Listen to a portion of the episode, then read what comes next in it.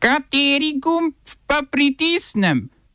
Tisti, na katerem piše OF. Irski finančni minister Pascal Donahue, novi predsednik Evroskupine.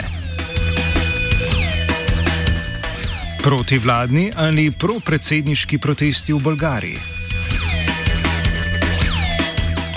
Četrti del proti korona paketne nadaljevanke. Novi predlogi medijske zakonodaje v petdnevno javno razpravo.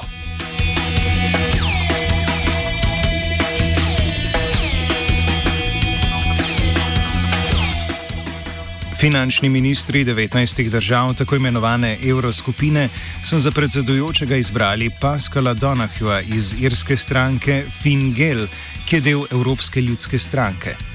Donahue je premagal špansko finančno ministrico Nadjo Calvinjo, ki so jo podprli ministri iz največjih evropskih ekonomij, predvsem Francija, Italija in Nemčija. S tem je skupina naprednega zavezništva socialistov in demokratov, krajše SD, izgubila pomembno funkcijo in sta ji ostala le še predsedovanje Evropskemu parlamentu in visoko predstavništvo za zunanje zadeve. Prva pomembna zadolžitev novega predsednika Evroskupine, ki nadzoruje fiskalno politiko evroobmočja, bo ukrepanje ob gospodarski krizi, ki sledi pandemiji. Dva dni po začetku opravljanja funkcije bodo namreč voditelji držav Evropske unije odločali o 750 milijardnem sistemu pomoči, ki naj bi se prvič financiral z obveznicami, ki jih bo izdala Evropska komisija.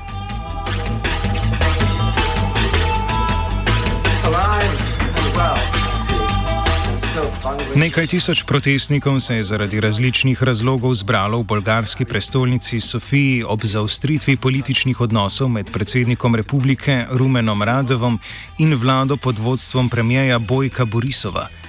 Nekateri mediji so poskušali prikazati proteste izključno kot podporo predsedniku Radevu, ker je bojda politično motivirano državno tožilstvo pod vodstvom glavnega državnega tožilca Ivana Geševa opravilo hišne preiskave pri predsednikovem sekretarju za pravna vprašanja in boj proti korupciji Plamenu Uzunovu ter svetovalcu za varnost in obrambo Iliji Miluševu.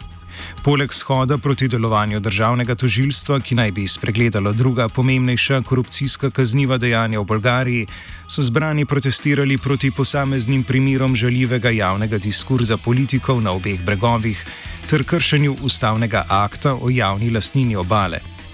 Slednje se nanaša na afero, ko je nekdani nogometaš in današnji politik Hristo Ivanov na obali zgradil vilo in jo zaščitil z oboroženimi varnostniki, ki naj bi bili delno financirani z javnimi sredstvi.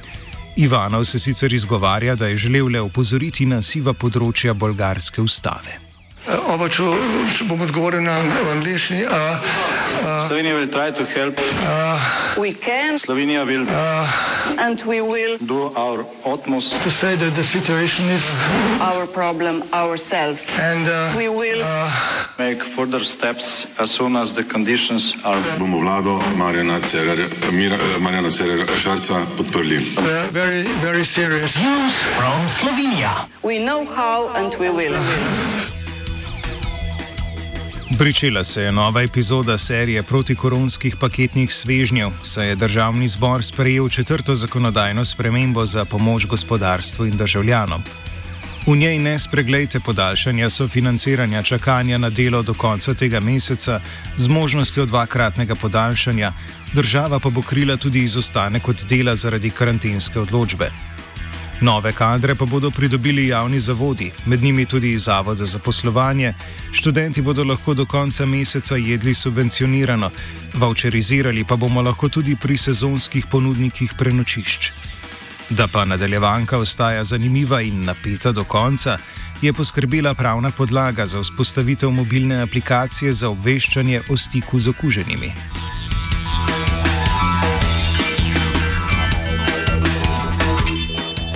V naslednjem delu nadaljevanke boste lahko gledali burne razprave o začetku uporabe aplikacije, ki bo za okužene in tiste z odločbami o karanteni obvezna, za druge pa bo uporaba prostovoljna.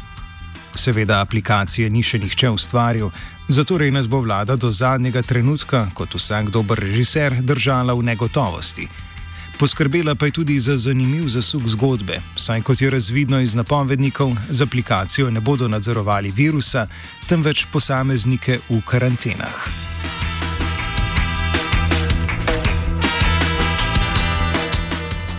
Za bo nanizanka protikoronskih svežnjev zagotovo na vrhu lestvic popularnih revij nakazujejo nagrade, ki so jih snovalci prejeli še pred zaključkom izvajanja protikoronskih svežnjev. Eden izmed ekonomskih svetovalcev v začetku snemanja nadaljevanke, Matej Lahovnik, je namreč za nagrado prejel mesto v nadzornem svetu tovarne zdravil Krka. Lahovnik je nekaj minut pred letno skupščino delničarjev na seznamu predlaganih nadzornikov zamenjal Petra Filipiča, dosedanjega nadzornika.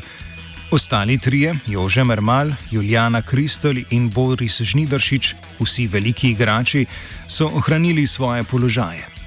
Čestitke torej nekdanjemu članu liberalno-demokratske stranke in kasneje stranke za res Mateju Lahovniku za velik piškotek, ki so mu ga namenili delničari Krke.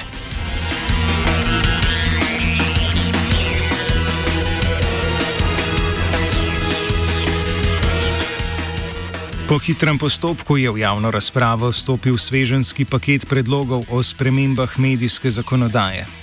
Javna razprava bo trajala pet dni, Do takrat spregovorite ali za vekomaj ostanite tiho, so sporočili iz Ministrstva za kulturo. Tam so očitno pozabili na lanskoletne poteze tega ministrstva, ki je dopustilo kar dvomesečno javno razpravo, a takratni predlog ni prišel do parlamentarne obravnave. Taka naglica je verjetno posledica Evropske direktive o medijih, ki zahteva prilagoditev medijske zakonodaje do konca leta, v nasprotnem primeru sledijo sankcije.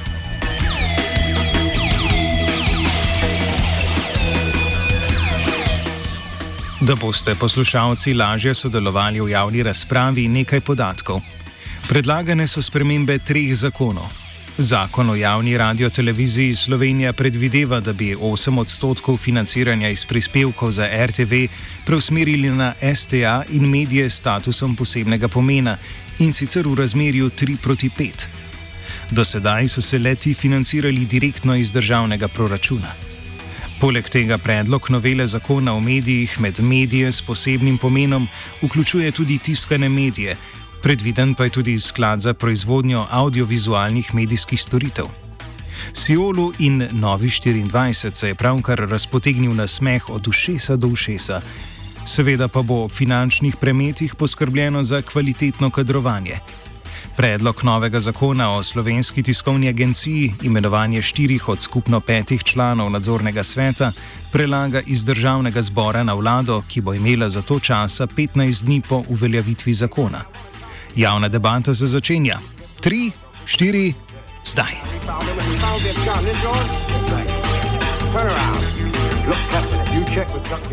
Kaj je slajše kot upravni spor na topel petkov popoldan? Državno odvetništvo je v ustavno presojo vložilo izpodbitno odločbo Ministrstva za notranje zadeve o prepovedi koncerta ustašoidno brzostrelskega pevca Marka Perkoviča v Mariboru. Zakon o javnih zbiranjih zaradi pomankljivosti ne omogoča zaščite ustavnih pravic, predvsem pravice do človekovega dostojanstva, ki jo Thompsonovi koncerti praviloma kršijo, čeprav v Sloveniji, kjer tak ustavni red velja, še ni nastopal kot vse kaže, v kratkem niti ne bo. Po razveljavitvi odločbe je imel namreč organizator Milan Trolololo tri dni časa, da prijavi nov datum dogodka, a se to ni zgodilo. Poleg tega je prejšnji teden nepreklicni minister za notranje zadeve Aleš Hojs razpolagal z neuradnimi podatki, da Thompson koncerta ne želi izvesti, s čimer pa se Milan Troll ne strinja. Za upravni spor spremni.